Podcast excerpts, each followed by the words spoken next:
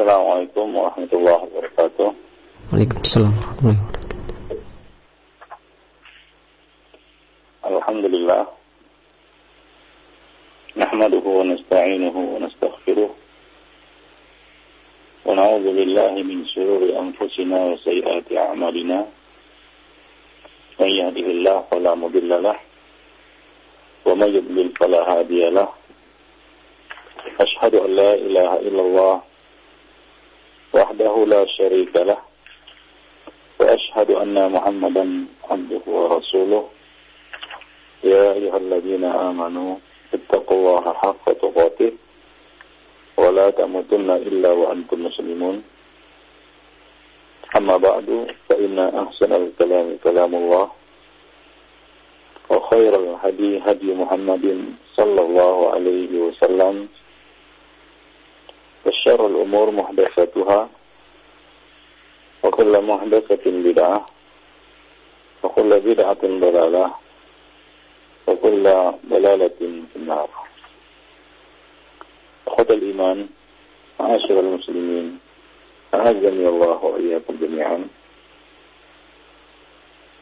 Alhamdulillah pada pagi ini kita dapat bertemu di majelis yang mulia ini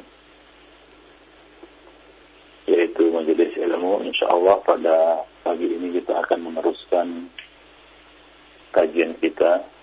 Dan pada pagi ini kita akan meneruskan uh, dosa besar yang ke-12 pada pertemuan yang lalu kita telah membahas Al-Kabirah yang ke sebelah yang ke-12 ya. Yang ke-12 yaitu memakan harta riba nah pada hari ini kita akan melanjutkan kabirah yang ke-12 yang ke-13 yaitu aklu malil yatim wadulmu memakan harta anak yatim dan berbuat dolim terhadapnya. Ikhwan fiddina azani Allah wa iyyakum jami'an. Islam merupakan agama rahmah, agama yang penuh dengan kasih sayang, agama yang melindungi umat manusia. Termasuk di antaranya adalah anak-anak yatim. Yang mana anak-anak yatim ini adalah anak-anak yang kehilangan ayah-ayah mereka sebelum mereka mencapai usia balik. Mereka mencapai usia balik. Di mana tidak ada lagi yang bertanggung jawab atas mereka karena kehilangan ayah mereka mencukupi kebutuhan mereka misalnya sandang pangan kemudian kebutuhan-kebutuhan mereka lainnya seperti kebutuhan sekolah mereka dan lain-lainnya maka Islam menganjurkan kepada pemeluknya untuk memelihara anak yatim dan bisa dengan baik mengelola harta mereka untuk kemaslahatan mereka. Bahkan untuk ini Rasulullah Shallallahu Alaihi Wasallam telah menyampaikan satu hadis yang sangat agung di dalam Sahih Al Bukhari. Rasulullah Shallallahu Alaihi Wasallam mengatakan, "Ana wa kafilul yatim fil jannah hakada." Aku dan orang yang memelihara anak yatim di, di dalam surga itu seperti ini kata Nabi. Wa asyara bis sadabah wal wusta wa farraja bainahuma. Beliau mengisyaratkan jari telunjuk dan jari tengah lalu meregangkan antara keduanya. Itu seperti dua jari ini, jari telunjuk dan jari tengah. Yaitu dekat kedudukannya pada hari kiamat nanti dengan Rasulullah Shallallahu Alaihi Wasallam. Dan juga di dalam Al-Quran Allah Subhanahu Wa Taala telah melarang ya untuk memakan harta anak yatim ini. Seperti dalam firman-Nya dalam surat An-Nisa ayat 10 Allah Subhanahu wa taala berfirman, "Innal ladzina ya'kuluna amwalal yatama dzulman ya'kuluna fi butunihim nara wa sayaslawna sa'ira sesungguhnya orang-orang yang memakan harta anak yatim secara zalim sebenarnya mereka itu telah menelan api neraka sepenuh perutnya. Dan mereka akan masuk ke dalam api neraka yang menyala-nyala. Surat An-Nisa ayat 10 surat An-Nisa ayat 10 ada satu pendapat mengatakan ya bahwa memakan harta anak yatim secara zalim di sini adalah memakannya dengan tujuan untuk memudaratkan anak yatim tersebut hingga harta itu duduk atau habis ya dimakannya tanpa sedikit pun maslahatnya terpulang kepada si anak yatim itu. Maka dari itu Rasulullah Shallallahu Alaihi Wasallam menggolongkan makan harta anak yatim secara zalim. Ya, makan harta anak yatim secara zalim, yaitu dengan tujuan untuk memudaratkan mereka. Ini termasuk salah satu dari tujuh dosa besar yang membinasakan. Rasulullah Shallallahu Alaihi Wasallam bersabda, "Ijtanibu as-sab'al mubiqat." Qalu ya Rasulullah wa mahun. Nabi mengatakan, ya jauhilah oleh kamu tujuh dosa besar yang membinasakan. Mereka bertanya, ya Rasulullah, apa itu? Maka Nabi menyebutkan, salah satunya adalah, wa aklu malil yatim. Memakan harta anak yatim. Yaitu memakan harta anak yatim secara zalim. Sebagaimana yang disinggung di dalam ayat yang kita bacakan tadi makan harta anak yatim secara zalim. Diriwayatkan dari Abu Hurairah dalam hadis yang lainnya juga bahwa Rasulullah Shallallahu Alaihi Wasallam pernah bersabda di atas mimbar. Beliau mengatakan, "Uharriju malal malal ba'ifain al yatim wal mar'ah." Aku sangat melarang kalian terhadap dua harta, yaitu untuk dimakan dan diambil secara aniaya, secara zalim, yaitu harta orang uh, harta orang lemah. Ya, dha'ifain. Aku sangat melarang kalian dari uh, harta dua orang lemah ini, yaitu harta anak yatim dan harta wanita. Harta anak yatim dan harta wanita. Jadi hadis-hadis yang kita bacakan tadi Demikian juga ayat yang kita sebutkan dalam surat An-Nisa ayat 10 menegaskan kepada kita semua haramnya memakan harta anak yatim secara zalim. Ya, haramnya memakan harta anak yatim secara zalim. Yaitu tanpa ada sebab yang mendatangkan maslahat bagi anak yatim itu. Atau tanpa kepatutan dan kelayakan dalam memakannya ya tanpa keperluan yang darurat dan mendesak. Ya jadi yang diharamkan adalah berlebih-lebihan dan terburu-buru mengambilnya sebelum anak yatim tersebut balik. Sebagaimana Allah Subhanahu wa taala katakan di dalam Al-Qur'an eh, wabidaran ayat baru. Janganlah kamu tergesa-gesa membelanjakannya sebelum mereka dewasa. Jadi barang siapa menjadi wali anak yatim dan mengurus dan menganam, serta menangani urusan mereka, maka janganlah ia ambil, ia habiskan harta itu secara aniaya. Ia boleh mengambil harta tersebut, mengambil dari harta tersebut dengan cara yang ma'ruf. Ya, dengan cara yang ma'ruf. Yaitu dengan cara ya ia tidak merugikan orang anak yatim tersebut apabila ia termasuk orang yang fakir dan membutuhkannya. Sekedar dengan tugas yang dipikulnya, Allah Subhanahu wa taala mengatakan wa man kana faqiran falyakul bil ma'ruf dan barang siapa miskin yaitu si pe, pe, apa kita katakan pengasuh anak yatim itu adalah orang yang miskin atau fakir maka ia boleh memakan harta itu menurut cara yang patut. Dalam ayat yang lain Allah Subhanahu wa taala mengatakan ولا تقربوا مال اليتيم إلا بالتي هي أحسن حتى يبلغ أشده dan janganlah kamu mendekati harta anak yatim kecuali dengan cara yang lebih bermanfaat sampai ia dewasa. Ya, Ibnu Katsir di dalam tafsirnya mengatakan, para ahli fikih mengatakan pengasuh anak yatim boleh memakan dari harta tersebut ya mana dari dua pilihan ini yang paling sedikit nominalnya? Upah standar atau kebutuhan yang dia butuhkan? Jadi para ulama berbeda pendapat apakah ia harus mengembalikannya apabila ia sudah berkelapangan atau tidak? Ini ada dua pendapat. Pertama ia tidak perlu kembalikan uang itu. Ya, pendapat yang kedua mengatakan ia harus mengembalikannya karena harta anak yatim itu berisiko besar. Ia hanya mengam, boleh mengambil bila sangat dibutuhkan dan harus dikembalikan seperti bolehnya sebagai ya, memakai harta orang lain. Ya, uh, kemudian dia pada saat dia membutuhkan, kemudian dia mengembalikannya. Nah berkaitan dengan uh, al-aqlu bil ma'ruf ini, ya memakan harta anak yatim dengan cara yang baik, dengan cara yang patut dan bermanfaat ini ada empat pendapat. Yang pertama adalah annahu akhadahu ala wajhil qard.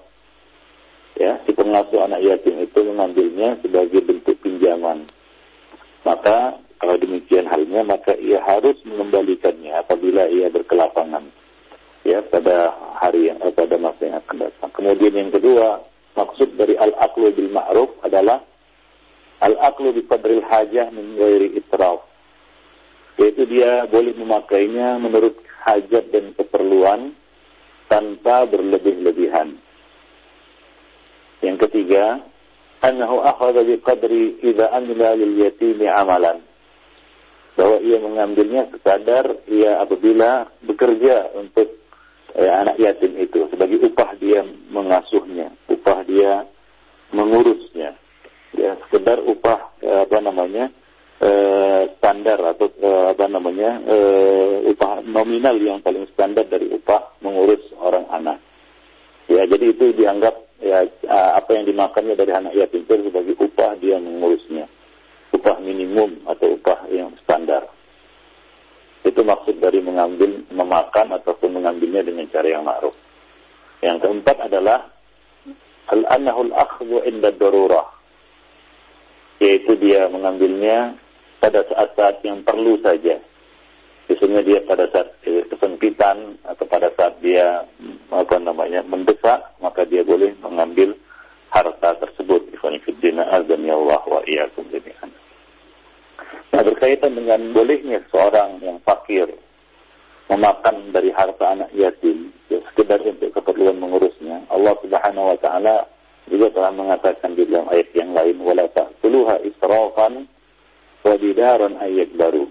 Dan janganlah kamu memakan harta anak yatim lebih dari batas kepatutan. Dan janganlah kamu tergesa-gesa membelanjakannya sebelum mereka dewasa. Ya, dalam ayat ini Allah Subhanahu wa taala melarang memakan harta anak yatim tanpa ada kebutuhan yang mendesak. Ya, israf, ya. Dan bidaran, yaitu tergesa-gesa membelanjakannya sebelum mereka balik. Nah, adapun bagi yang kaya wa man kana ghaniyan falyasta'fif. Barang siapa di antara pemelihara anak yatim itu adalah orang yang berkecukupan atau mampu, maka hendaklah ia menahan diri dari memakan harta anak yatim itu. Maksudnya adalah barang siapa yang kaya, yang berharta, maka hendaklah dia tidak mengambil harta anak yatim tersebut dan tidak memakan sedikit pun darinya. Dia tidak memakan sedikit pun dari harta tersebut. Nah berkaitan dengan firman Allah Subhanahu wa taala, "Man wa man kana faqiran falyakul bil ma'ruf." Dan barang siapa miskin, maka ia boleh makan harta itu, ia boleh mengambil harta anak yatim itu menurut yang patut. Ibnu Abi Hatim telah meriwayatkan dari Aisyah radhiyallahu anha yang mengatakan ayat ini turun berkenaan mengenai wali anak yatim. Ya, ayat tersebut turun berkenaan dengan uh, masalah wali anak yatim. Yaitu wali anak yatim atau pengasuh anak yatim ini boleh memakan sekedar keperluan mengurusnya. Tadi sudah kita sebutkan ada empat pendapat di dalam bab, ini atau di dalam masalah ini. Imam Ahmad meriwayatkan dari Amr bin Su'aib dari ayahnya dari kakeknya itu Abdullah bin Amr bin Auf radhiyallahu anhuma bahwa seorang lelaki bertanya kepada Nabi sallallahu alaihi wasallam Aku tidak memiliki harta dan aku memiliki anak yatim. Aku tidak punya harta, sementara aku sedang mengurus seorang anak yatim.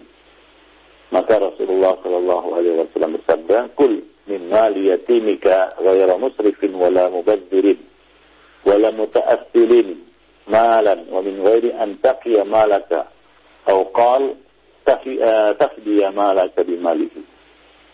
Makanlah dari harta anak yatim yang engkau pelihara tanpa berlebih-lebihan. Tidak juga mubadir, boros, dan tidak juga menghabiskan hartanya dan juga bukan untuk melindungi hartamu. Ya, jadi dia punya harta, dia simpan, dia pakai harta anak yatim tersebut. Atau beliau bersabda, dan jangan pula engkau menebus, melindungi hartamu dengan hartanya. Nah demikian ya. Jadi uh, Allah Subhanahu Wa Taala di sini ya menjelaskan kepada kita bagaimana kewajiban eh, tanggung jawab seorang wali anak yatim di dalam mengurus harta anak yatim tersebut. Artinya dia seorang yang harus memiliki manajemen harta yang baik. Ya, hendaklah dia pelihara harta itu tanpa berlebih-lebihan. Ya, dia pakai harta itu tanpa berlebih-lebihan dan tidak juga mubazir dan tidak juga menghabiskan hartanya itu. Nah, kalau bisa dia memutarnya hingga berkembang dan bermanfaat bagi si anak yatim tersebut. Jadi inilah tugas seorang wali yatim. Ya, tugas seorang wali yatim di mana dia harus bisa mengelola harta itu dengan baik ya hingga bermaslahat dan bermanfaat bagi si anak yatim. Ya tidak habis ya digunakan untuk keperluan dan kepentingan si uh, anak yatim ini. Maka dari itulah ya uh, Rasulullah Shallallahu Alaihi Wasallam pernah melarang Abu Dhar al Ghifari ya untuk mengelola harta anak yatim. Karena beliau memandang Abu Dhar Al-Ghifari lemah di dalam pengelolaan harta. Dikhawatirkan harta anak yatim itu akan habis untuk keperluan-keperluannya ya, tanpa berkembang. Hingga ketika dia dewasa dia tidak memiliki harta lagi. Habis harta itu. Ya dalam Sahih Muslim disebutkan bahwa Rasulullah Shallallahu Alaihi Wasallam bersabda ya Abadar inni aratu da'ifan wa inni uhibbu laka ma uhibbu li nafsi. La ta'ammaranna ala ithnaini wa la taliyanna ma la yatimin wahai Abu Dar aku melihatmu seorang yang lemah. Lemah di sini bukan lemah iman, ya, bukan lemah akidah, bukan lemah agama, tapi lemah di dalam manajemen harta, ya di dalam uh, manajerial kepemimpinan. Ya, aku melihatmu lemah dalam hal itu dan aku menyukai bagi dirimu dan uh, apa yang aku sukai bagi diriku kata Nabi. Maka janganlah engkau menjadi pemimpin walaupun terhadap dua orang. Dan janganlah engkau mengurus harta anak yatim. Jadi seorang itu harus diletakkan sesuai dengan tempat. Dan tidaklah dia menangis suatu sesuai dengan kemampuannya. Janganlah seorang mukmin dan muslim itu ya membalimi dirinya sendiri. Menganiaya dirinya sendiri. Ya, ke, la, la yang lil mu'min kata Nabi ayubillah nafsahu tidak pantas bagi seorang mukmin dan muslim itu untuk menghinakan dirinya sendiri. Para sahabat bertanya kepada Nabi, bagaimana seorang itu menghinakan dirinya sendiri? Maka Nabi SAW mengatakan, ayat min minal bala'i ma Yaitu dia berusaha untuk memikul ya, suatu beban ke satu ujian, ya satu masalah yang tidak mampu untuk dipikirnya. Nabi juga telah mengatakan, "Idza wusila al-amru ila ghairi ahlihi fantazir sa'ah." Apabila satu perkara diserahkan kepada yang bukan ahlinya, maka tunggulah tanggal kehancurannya atau masa kehancurannya. Nah di sini Nabi Shallallahu Alaihi Wasallam melihat sesuatu yang bermaslahat bagi Abu Dhar yang beliau pandang lemah di dalam pengelolaan harta maka Nabi Shallallahu Alaihi Wasallam melarangnya untuk mengurus dan mengelola harta anak yatim. Ya, karena mengelola harta anak yatim ini adalah satu tanggung jawab yang besar dan berat. Ya, di mana ya Allah Subhanahu wa taala telah mengatakan juga di dalam ayat yang lain, Yas yas'alunaka 'anil yatama qul islahul lahum khair wa in tukhalituhum fa ikhwanukum fa ikhwanukum wallahu ya'lamul mufsida minal muslih walau syaa Allahu la'anatakum ya surat uh, Al-Baqarah ayat 220 Allah Subhanahu wa taala mengatakan dan mereka bertanya kepadamu tentang anak yatim Katakanlah mengurus urusan mereka secara patut adalah baik. Mengurus urusan anak yatim secara patut adalah suatu kebaikan. Secara patut maksudnya yaitu dengan cara yang baik, yang bermaslahat bagi anak yatim itu. Seolah-olah kita uh, mengurus anak kita sendiri. Ya, ya tentunya kita ketika kita mengurus anak kita sendiri kita e, menginginkan satu yang bermanfaat bagi anak kita di kemudian hari. Demikian pula mengurus harta anak yatim. Kul islahun lahum khair. Katakanlah kata Allah Subhanahu wa taala, mengurus urusan anak yatim itu secara patut adalah suatu kebaikan. Dan jika kamu meng, uh, menggauli mereka, maka mereka adalah saudaramu. Artinya uh, apa namanya? itu mencampurkan uh, bercampur berbaur dengan mereka ya di dalam harta dan sebagainya, maka itu adalah eh, mereka itu adalah saudaramu. Dan Allah mengetahui siapa yang membuat kerusakan dan yang mengadakan perbaikan. Siapa yang memakan harta anak yatim itu untuk tujuan yang patut, untuk uh, dengan cara yang patut dan layak, dengan cara yang ma'ruf, ya. Dan siapa pula yang berbuat kerusakan, yaitu menganiaya dan merugikan, mendolimi harta anak yatim tersebut.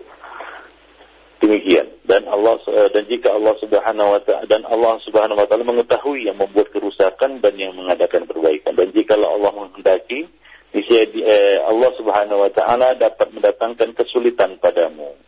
Demikian ikhwan fillah, azani Allah wa iyyakum jami'an. Ibnu Jarir meriwayatkan dari Ibnu Abbas yang menceritakan bahwa ketika turun ayat wala taqrabu malal yatimi illa billati hiya ahsan ya surat Al-An'am ayat 152 dan janganlah kamu mendekati harta anak yatim kecuali dengan cara yang lebih baik, yang lebih patut, yang lebih bermanfaat. Dan ayat yang kita bacakan di awal tadi surat An-Nisa ayat 10 yaitu Innal ladina ya'kuluna amwalal yatama dhulman innama ya'kuluna min uh, innama ya'kuluna fi butunihim nara wa sayaslawna. Sesungguhnya orang-orang yang memakan harta anak yatim secara zalim sebenarnya mereka itu menelan api sepenuh perutnya dan mereka akan masuk ke dalam api yang menyala-nyala surat An-Nisa ayat 10 maka dengan turunnya ayat tersebut orang-orang yang mengasuh anak yatim langsung memisahkan makanan dan minumannya dari makanan dan minuman anak yatim yang diasuhnya. Lalu ia menyisakan sebagian dari makanannya dan ia simpan untuk si yatim sampai si yatim itu memakannya atau makanan itu jadi basi. Karena hal itu menyulitkan mereka, yaitu menyulitkan para pengasuh anak yatim, maka mereka pun melaporkan mengadukan hal ini kepada Rasulullah Sallallahu Alaihi Wasallam.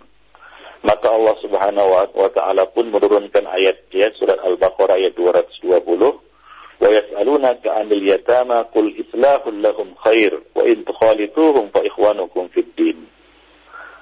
Yang artinya dan mereka bertanya kepadamu tentang anak yatim katakanlah bahwa mengurus urusan mereka secara patut adalah suatu kebaikan dan jika kamu ber, berbaur dengan mereka maka mereka itu adalah saudara-saudaramu seagama. Demikian Ikhwanuddin. Nah, setelah itu pun ya setelah ayat ini turun mereka pun menggabung makanan dan minuman mereka dengan makanan dan minuman anak yatim itu. Demikian Ikhwanuddin. Azani Allah wa iyyakum. Ya. Jadi Allah mengatakan di sini kul islahun lahum khair. Katakanlah mengurus urusan mereka secara patut adalah satu kebaikan ya yaitu apa? Ya apa namanya? Mengelolanya dengan baik dan tidak memudaratkan harta tersebut. Ini adalah suatu kebaikan. Dan Allah mengatakan wallahu ya'lamul mufsida minal muslih Allah Subhanahu wa taala siap mengetahui siapa yang berbuat kerusakan dan siapa yang mengadakan perbaikan. Ya siapa yang mengadakan uh, membuat kerusakan yaitu berbuat zalim terhadap uh, anak harta anak yatim itu dan siapa yang berbuat kebaikan atau mengadakan perbaikan, yaitu yang uh, mengelolanya dengan dengan cara yang baik dan mendatangkan maslahat ya dan manfaat bagi si anak yatim itu. Nah demikian ikhwan fiddin rahimani wa rahimakumullahu jami'an. Baik. Nah, dari situ dapat kita apa namanya ambil satu kesimpulan konfidin bahwa mengelola dan mengurus anak yatim ini adalah satu tanggung jawab yang besar dan berat, membutuhkan kecakapan dan keahlian, yang membutuhkan ilmu pengetahuan, membutuhkan suatu uh, kecakapan di dalam mengelola harta, memanajemen harta sehingga bermaslahat bagi si anak yatim itu, ya. Dan ancaman yang berat bagi orang-orang yang berbuat bolim, berbuat aniaya, memakannya dengan cara yang batil, dengan ancaman yang berat, yaitu apa? Seolah-olah mereka sedang memenuhkan ya perut-perut mereka itu dengan ya api yang menyala-nyala, ya. Mereka menelan api sepenuh perutnya, yaitu memenuhkan perutnya dengan api dan mereka akan masuk ke dalam api neraka yang menyala-nyala. Demikian pula di dalam hadis, ya itu termasuk salah satu dari tujuh dosa besar yang membinasakan. Tujuh dosa besar yang membinasakan, yaitu makan harta anak yatim dengan cara yang baik. Maka bagi para pengelola, pengasuh, wali anak yatim, hendaklah ya mereka bertakwa kepada Allah Subhanahu wa taala. Ya ketahuilah bahwasanya ini adalah suatu kebaikan.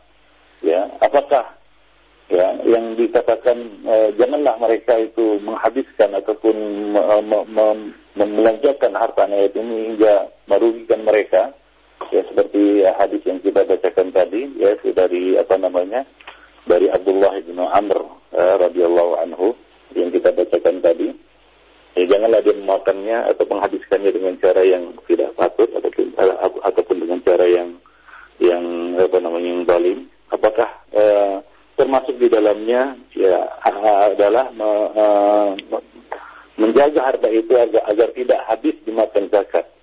Karena sebagian ulama ada yang berpendapat bahwa harta anak kecil ini juga wajib dizakati. Harta anak kecil ini juga wajib dizakati dan tentunya anak yatim termasuk anak kecil yang memiliki harta ya, apakah hartanya juga harus dizakati atau tidak. Nah, di sini ada masalah di kalangan para ulama. Ya para ulama berbeda pendapat di dalam, di dalam masalah ini. Ya, ada yang berpendapat ya naskah tentang kewajiban zakat itu bermakna umum ya, mencakup anak kecil dan orang gila. Zakat adalah hak orang fakir. Ya, baik itu dari anak kecil, orang dewasa, orang gila atau orang yang berakal. Nah demikian. Ibn Hazm al-Zahiri di dalam kitab Al-Muhalla ya, menyatakan Adapun mengenai harta anak kecil dan orang gila, Malik dan Asyafi'i berpendapat sama dengan pendapat kami, yaitu ini adalah pendapat Umar bin Khattab dan pendapat anaknya yaitu Abdullah bin Umar, Umar Mu'minin Aisyah radhiyallahu anha, Jabir bin Abdullah, Ibn Mas'ud, Atta dan selainnya. Ya, Abu Hanifah berkata berpendapat tidak ada zakat pada harta keduanya. Ya, tidak ada zakat pada harta anak kecil dan juga harta uh, orang gila. Nah, Al Hasan Al Basri dan Ibnu Syabranah berpendapat ya tidak ada zakat ya pada emas dan perak yang mereka miliki. Adapun buah-buahan, hasil pertanian dan hewan ternak wajib dikeluarkan zakatnya. Ada memisahkan seperti itu. Nah, adapun Ibrahim An-Nakhai, Suraih, ya, mereka berdua berpendapat tidak ada kewajiban zakat pada seluruh harta anak yatim. Ini jenis khanifiddin, azan ya Allah wa iyyakum Nah, Eh, sebagian lagi mengatakan bahwa tidak ada kewajiban zakat ya. Eh, ada kewajiban zakat pada anak kecil tersebut. Nah kemudian ada yang memisahkan juga antara zakat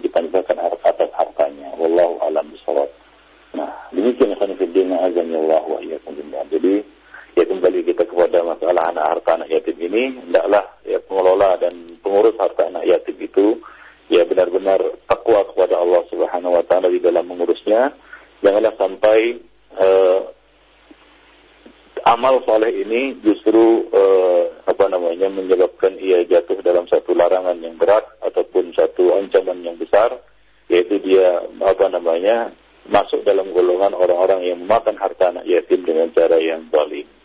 Ya, jadi ini adalah satu keutamaan Allah Subhanahu wa taala menganjurkan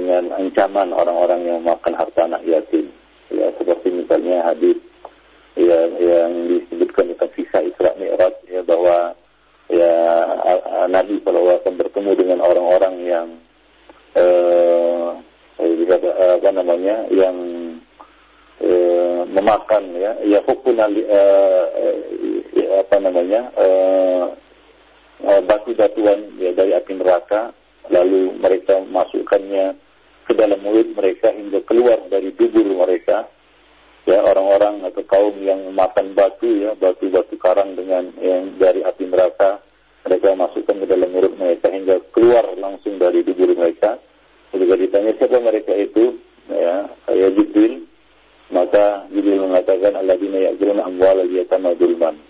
Orang-orang yang memakan harta anak yatim secara zalim. Nah, ini ini salah satu hadis yang sering dibawakan mungkin ya oleh para penceramah ya berkaitan dengan ancaman memakan harta anak yatim, tapi uh, hadis itu tidak sahih ya. Hadis itu tidak sahih, bahkan hadis itu adalah hadis yang sangat baik sekali bahkan bisa kita jalankan sebagai uh, apa namanya uh, hadis yang maudhu ya, jadi tidak sahih ya berkaitan dengan kisah Isra Mi'raj di mana Nabi melihat kaum yang memakan batu atau masukkan batu-batu besar ke dalam mulut mereka lalu keluar melalui tubuh mereka. Nah demikian juga hadis uh, apa namanya uh, Abu Hurairah ya bahwasanya Allah Subhanahu Wa Taala akan mengirim satu kaum dari, membangkitkan satu kaum dari kuburnya lalu takhruju nar min butunihim ya lalu keluar api dari perut-perut mereka. Ya nah demikian. Dikatakan siapa mereka? Ya Rasulullah. Ya maka Nabi mengatakan alam tara anna Allah ta'ala yaqul alladziina ya'kuluna amwal yatama dzulma innama ya'kuluna fi butunihim nara ini ada hadis juga seperti ini yang diriwayatkan ya, dinisbatkan kepada Nabi dari Abu Hurairah radhiyallahu anhu dan hadis ini juga ya lemah sekali dan bahkan bisa dikatakan hadis mungkar. Ada atau hadis yang maudhu dan di dalamnya terdapat perawi-perawi yang eh, apa namanya yang kadzab ya. Nah demikian khonifuddin azan ya Allah demikian Oke, jadi itu beberapa hadis yang mungkin sering dibacakan oleh para penceramah atau khatib di atas mimbar, namun ternyata hadis itu adalah hadis yang uh, lemah dan palsu. Nah, jadi cukup ya dia beberapa ayat dan hadis yang kita sampaikan kepada para pendengar yang menjelaskan kepada kita ya ancaman yang berat bagi orang-orang yang memakan harta anak yatim dengan cara yang batil atau dengan cara yang dalim. Nah demikian saja ikhwan fiddin. Ya Allah wa jami'an. InsyaAllah kita akan ya lanjutkan nanti pada pertemuan yang akan datang masih ber, apa namanya dengan berkaitan dengan dosa-dosa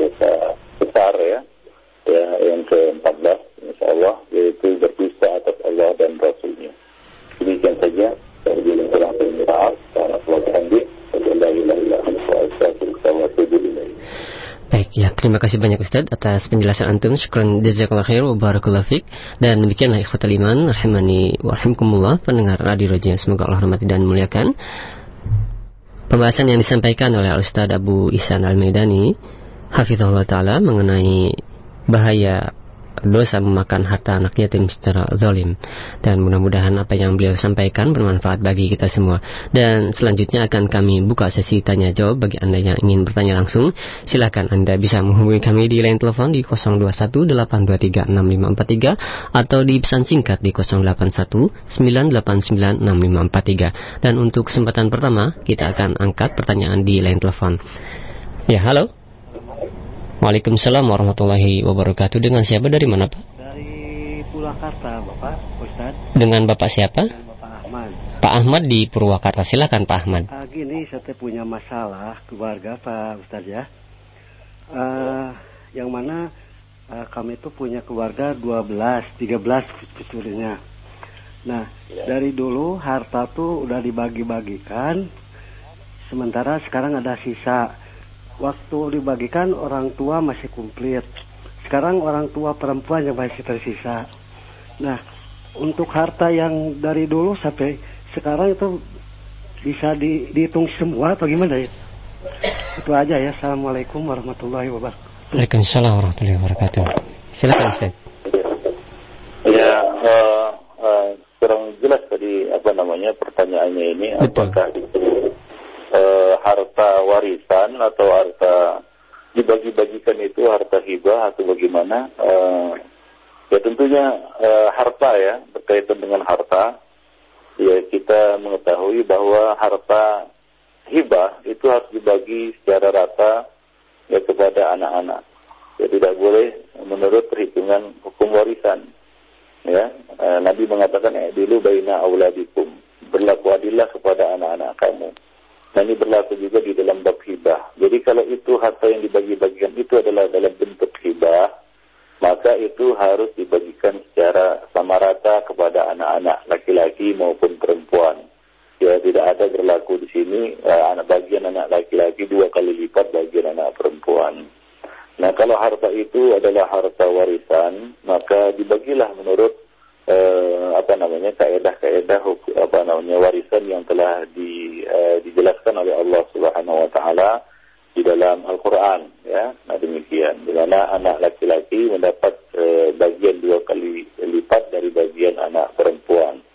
Nah demikian dan juga berkaitan dengan istri ya, dengan istri tentunya Allah Subhanahu wa taala telah memberikan bagian juga bagi istri ya kalau uh, uh, istri itu apa namanya uh, kalau yang meninggal itu memiliki anak maka si istri mendapat bagian seperdelapan dari harta yang ditinggalkan. Nah demikian. Adapun berkaitan dengan hibah wah hadiah, yaitu tidak ada batasan di sini hadiah kepada istri ya, ya hadiah kepada istri. Nah demikian. Hanya saja kalau ia memiliki lebih dari satu istri, hendaklah dia juga membaginya dengan adil. Karena Allah Subhanahu Rasulullah telah memberikan ancaman kepada orang-orang yang tidak uh, berlaku adil terhadap istri-istrinya, yaitu dia akan datang pada hari kiamat dalam keadaan separuh badannya timpang atau apa namanya uh, uh, ya timpang, separuh dari badannya itu timpang. Nah, jadi itu berkaitan dengan berkaitan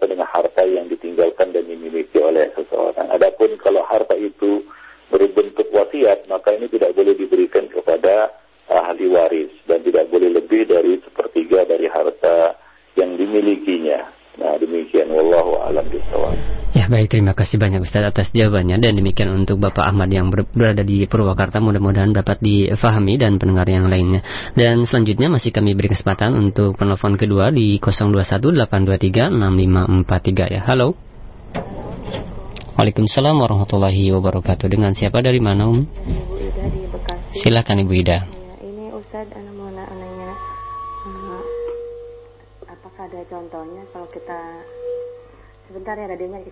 Iya.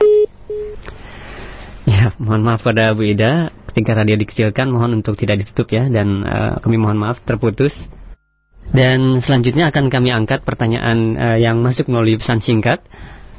Sudah uh, masuk beberapa pertanyaan. Ada pertanyaan dari Abdullah yang berada di Cilengsi Ustadz bolehkah kita meminjam harta anak yatim untuk mengembangkan usaha kita dan tentunya akan dikembalikan di kemudian hari tanpa ada pengurangan atau kelebihan. Apakah uh, harus diberikan juga sebagian keuntungan uang yang kita pinjam tersebut kepada anak yatim yang uh, tentunya sebagai pemilik harta? Silakan Ustaz.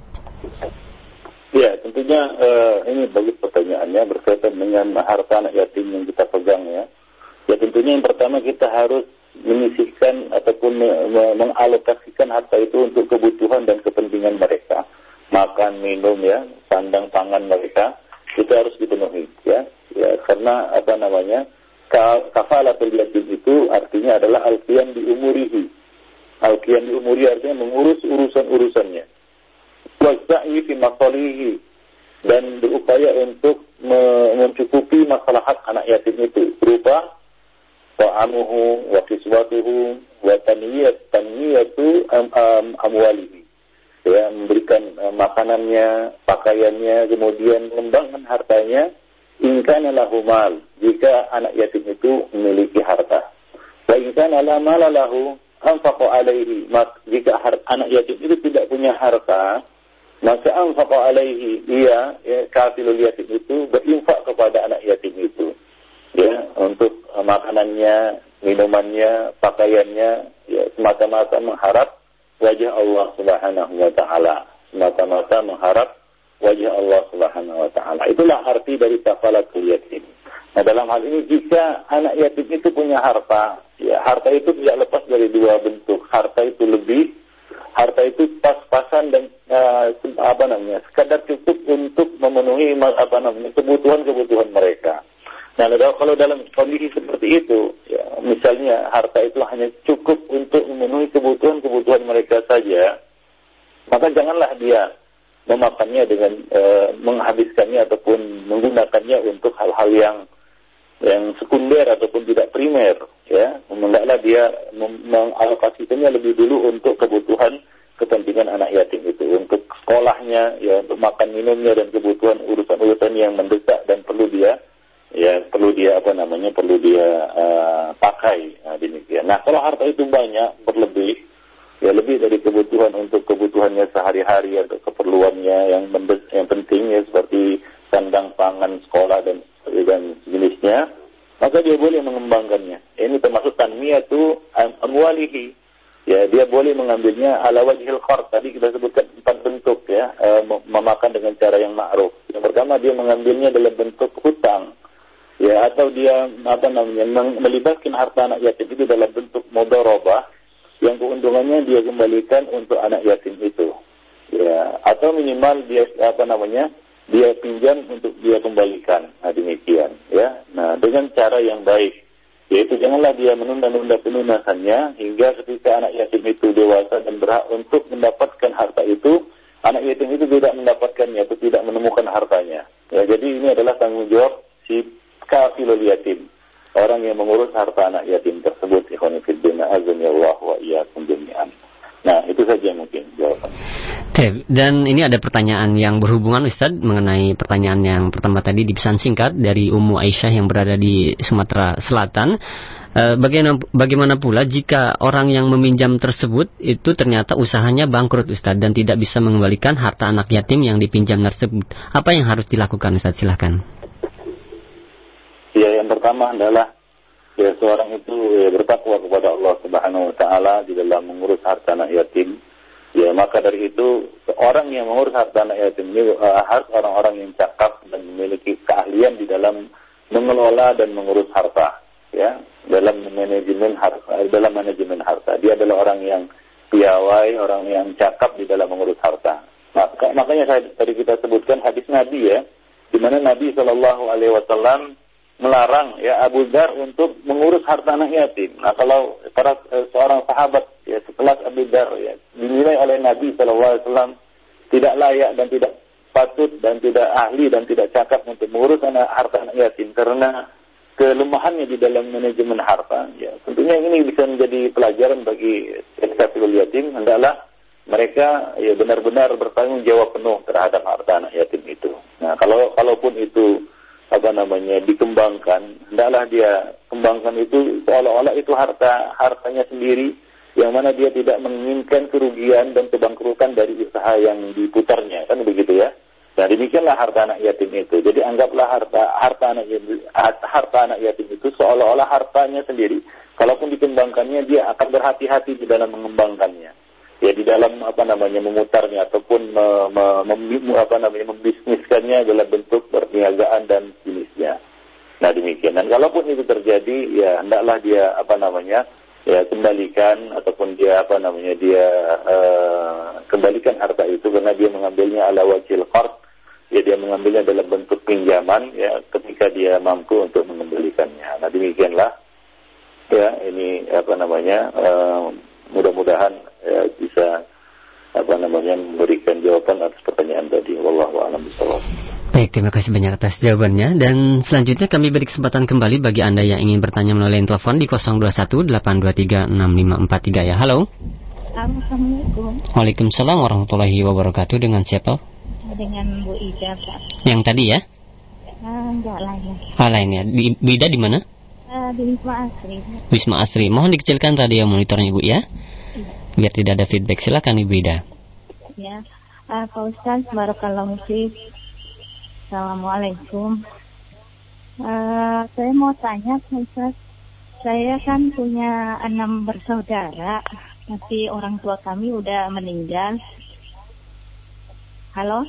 Ya silakan, silakan. Uh, tapi kami belum uh, sempat uh, membagikan warisan ya Pak Ustaz, karena saya uh, sekarang ada di Jakarta sementara saudara-saudara saya ada di kampung gitu. Nah, saya udah coba untuk bicara dengan saudara-saudara saya, cuman sepertinya mereka tidak uh, mengerti atau gimana gitu membagi yang ada itu, yang dari orang tua itu gitu. Gimana uh, cara saya untuk menyampaikan kepada mereka gitu, Baik. bahwa uh, hal itu memang harus dibagi berdasarkan hukum ya? Iya. Betul. Masing-masing gitu. Iya. Mohon uh, penjelasannya Pak Ustadz. Jazakumullah khairan. Iya. Assalamualaikum warahmatullahi wabarakatuh. Waalaikumsalam warahmatullahi wabarakatuh. Bagaimana Ustaz pertanyaan mengenai masalah waris kembali Ustaz? Iya, uh, ini uh, apa namanya? Uh, Allah Subhanahu wa taala telah memberikan ancaman sebenarnya orang-orang yang e, tidak melaksanakan hukum waris ini ya. Ya Allah Subhanahu wa taala mengatakan tilka hududullah wa may yuti'illaha wa rasulahu yudkhilhu jannatin tajri min tahtiha al-anhar khalidina fiha wa dzalikal fawzul 'azim. Wa may ya'sillaha wa rasulahu wa yata'adda hududahu yudkhilhu naran khalidan fiha wa lahu 'adzabun muhin. Ya surat An-Nisa ayat 13 14. Ya, hukum-hukum tersebut yaitu hukum-hukum waris ini adalah ketentuan-ketentuan dari Allah. Barang siapa taat kepada Allah dan Rasulnya, niscaya Allah akan masukkannya ke dalam sorga yang mengalir di dalamnya sungai-sungai. Sedang mereka kekal di dalamnya. Dan itulah kemenangan yang besar. Dan barang siapa mendurhakai Allah dan Rasulnya dan melanggar ketentuan-ketentuan Allah, yaitu di dalam bab waris mewaris ini, dalam bab warisan ini, niscaya Allah akan masukkannya ke dalam api neraka sedang ia kekal di dalamnya dan baginya siksa yang menghinakan azab muhim. Ini ancaman terhadap siapa saja yang melanggar hukum Allah dalam pembagian warisan. Ya, dalam pembagian warisan. Nah, jadi ya eh, ayat tersebut maksudnya adalah ya berbagai ketentuan dan ya ukuran yang dijadikan oleh Allah Subhanahu wa taala yang Allah tetapkan untuk ahli waris, maka hal itu sesuai dengan kekerabatan mereka kepada si mayit dan kebutuhan mereka kepada kepada harta itu. Ya serta rasa kehilangan mereka dengan kepergian si mayit ini. Dan hal ini merupakan dan hal itu semua merupakan ketentuan-ketentuan yang ditetapkan oleh Allah Subhanahu wa taala yang diwajibkan oleh Allah Subhanahu wa taala. Jadi itu adalah satu kewajiban. Maka janganlah ya kamu melampaui batas atau melanggarnya Ya, Allah mengatakan wa may yuti'illah wa rasulah barang siapa yang taat kepada Allah dan Rasulnya ya ini dengan tidak menambah dan mengurangi ya sebagian ahli waris dengan tipuan atau cara-cara lain. Ya tetapi ia menetapkannya sesuai dengan hukum dan ketentuan dan pembagian yang telah Allah Subhanahu wa taala tetapkan maka niscaya Allah Subhanahu wa taala akan masukkannya ke dalam surga yang mengalir di dalamnya sungai-sungai dan mereka akan kekal di dalamnya. Ya dan itulah kemenangan yang besar. Nah demikian ikhwan fillah Azani Allah wa iyyakum jami'an. Ya. Nah, uh, ada satu uh, riwayat ya, ya tapi ini didaifkan oleh sebagian ulama ya bahwa uh, Imam Ahmad meriwayatkan dari Abu Hurairah bahwa Rasulullah Shallallahu Alaihi Wasallam bersabda, Inna rajul la ya'mal bi, amali ahli al-khair sab'ina sanatan fa idza awsa hafa fi wasiyatihi fayukhtamu lahu bi syarri amalihi فيدخل النار وإن الرجل لا يعمل بعمل أهل الشر سبعين سنة فيعدل في وصيته فيختم له بخير عمله فيدخل الجنة Sesungguhnya ada seorang yang beramal dengan amal ahli kebaikan selama 70 tahun, tapi ia berwasiat lalu zalim dalam wasiatnya, maka ditutuplah amalnya dengan keburukan dan dia dimasukkan ke dalam neraka. Ada pula orang yang benar-benar beramal dengan ahli keburukan selama 70 tahun, namun ia adil dalam wasiatnya, maka ditutuplah amalnya dengan kebaikan dan ia pun dimasukkan ke dalam surga. Nah, kemudian uh, Abu Hurairah mengatakan jika kalian mau bacalah firman Allah Subhanahu wa taala, tilka hududullah. Itulah dia hudud Allah, hukum Allah Subhanahu wa taala. Nah, jadi ikhwan fillah azani Allah jami'an, waris mewaris, wasiat wasiat ini haruslah ya dilakukan dengan cara yang hak dengan cara yang yang telah diwajibkan oleh Allah Subhanahu wa taala kepada kita. Nah, ya, itu saja mungkin ya jadi hendaklah disadarkan kepada ya, apa namanya ahli kerabat kita atau keluarga kita pentingnya uh, apa namanya memberikan uh, atau membagikan harta sesuai dengan ketentuan yang Allah Subhanahu wa taala tetapkan di dalam uh, kitabnya dan ditetapkan oleh Rasulullah Shallallahu Alaihi Wasallam di dalam hadisnya. Yang Nabi mengatakan Inna Allah qad a'ta kulli kulli haqqin haqqah fala wasiyata liwaris. Sesungguhnya Allah telah memberikan hak kepada uh, setiap yang berhak ya, uh, menerimanya dari ahli waris dan uh, maka tidak boleh memberikan wasiat itu kepada ahli waris. Nah demikian saja Ikhwan Fiddin Azani Allah mengenai uh, apa namanya uh, kewajiban untuk memberikan atau membagikan warisan sesuai dengan hukum Allah dan Rasulnya. Ya, baik. Terima kasih banyak Ustaz atas jawabannya. Dan selanjutnya kami akan beralih kembali di pesan singkat. Ada beberapa pertanyaan senada mengenai permasalahan memakan harta anak yatim ini Ustaz. Uh, yaitu yang ditanyakan bagaimana hukum untuk mengadopsi anak yatim agar kita lebih mudah untuk memelihara mereka di rumah kita dan bagaimana jika mereka sudah besar Ustaz silahkan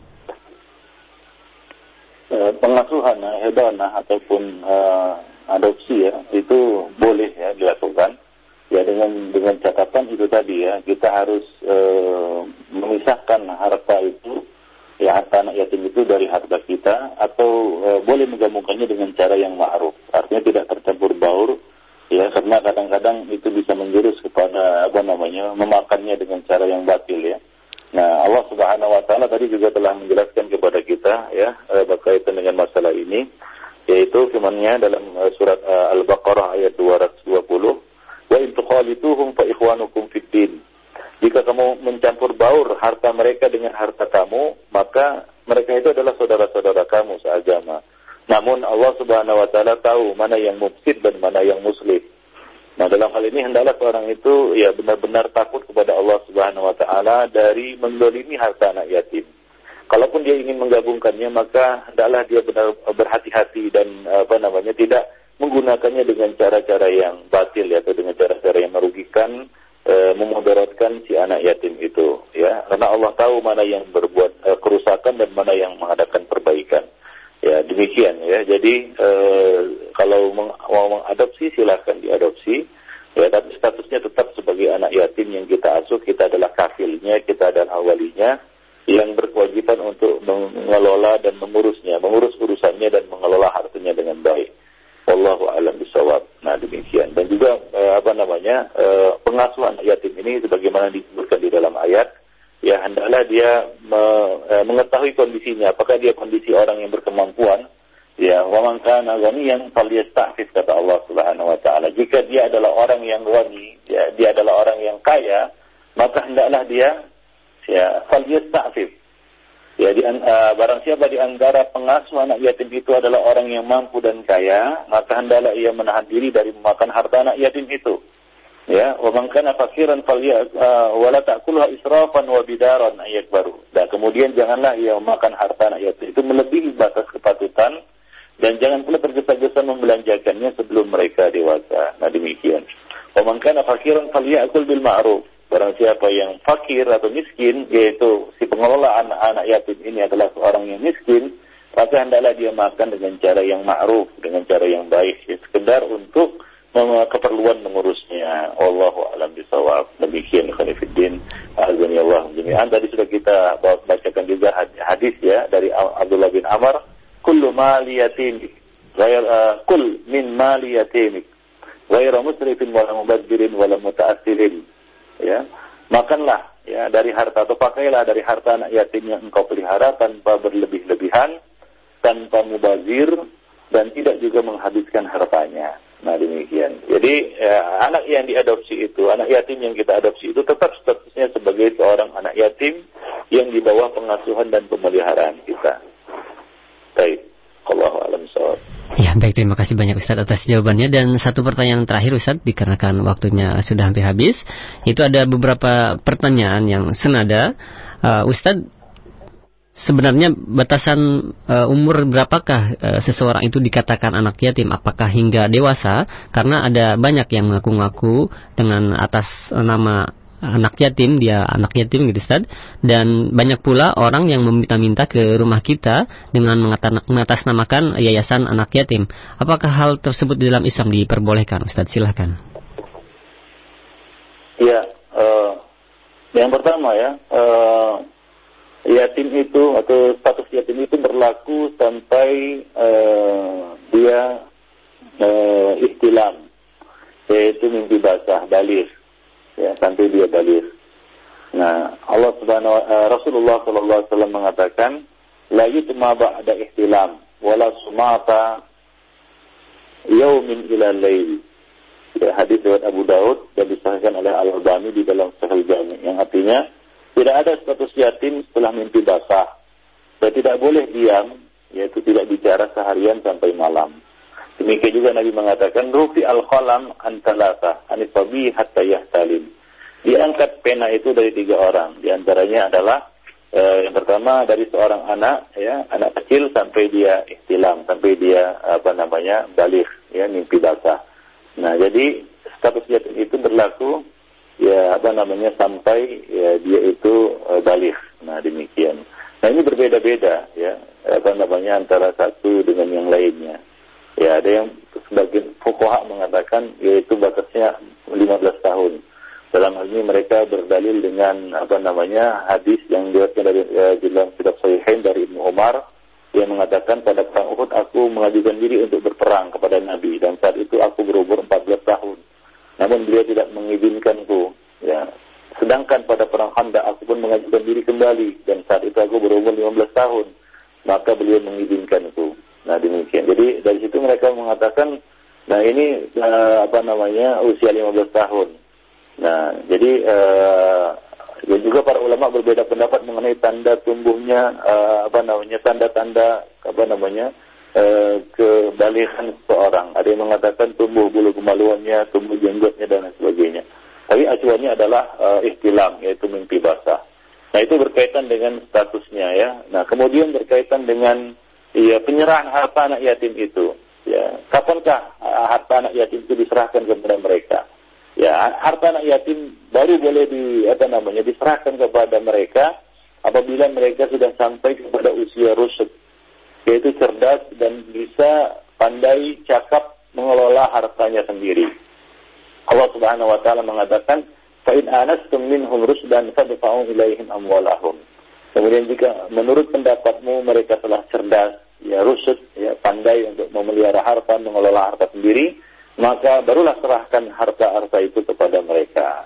Nah demikian khanifiddin azami Allah jami'an. Ya, saya demi juga mengatakan ya ini telah baik dalam agamanya dan pandai dia memelihara hartanya. Nah, jika seorang anak telah baik agamanya dan pandai mengelola hartanya, maka uh, apa namanya? lepaslah hukum penangguhan hartanya.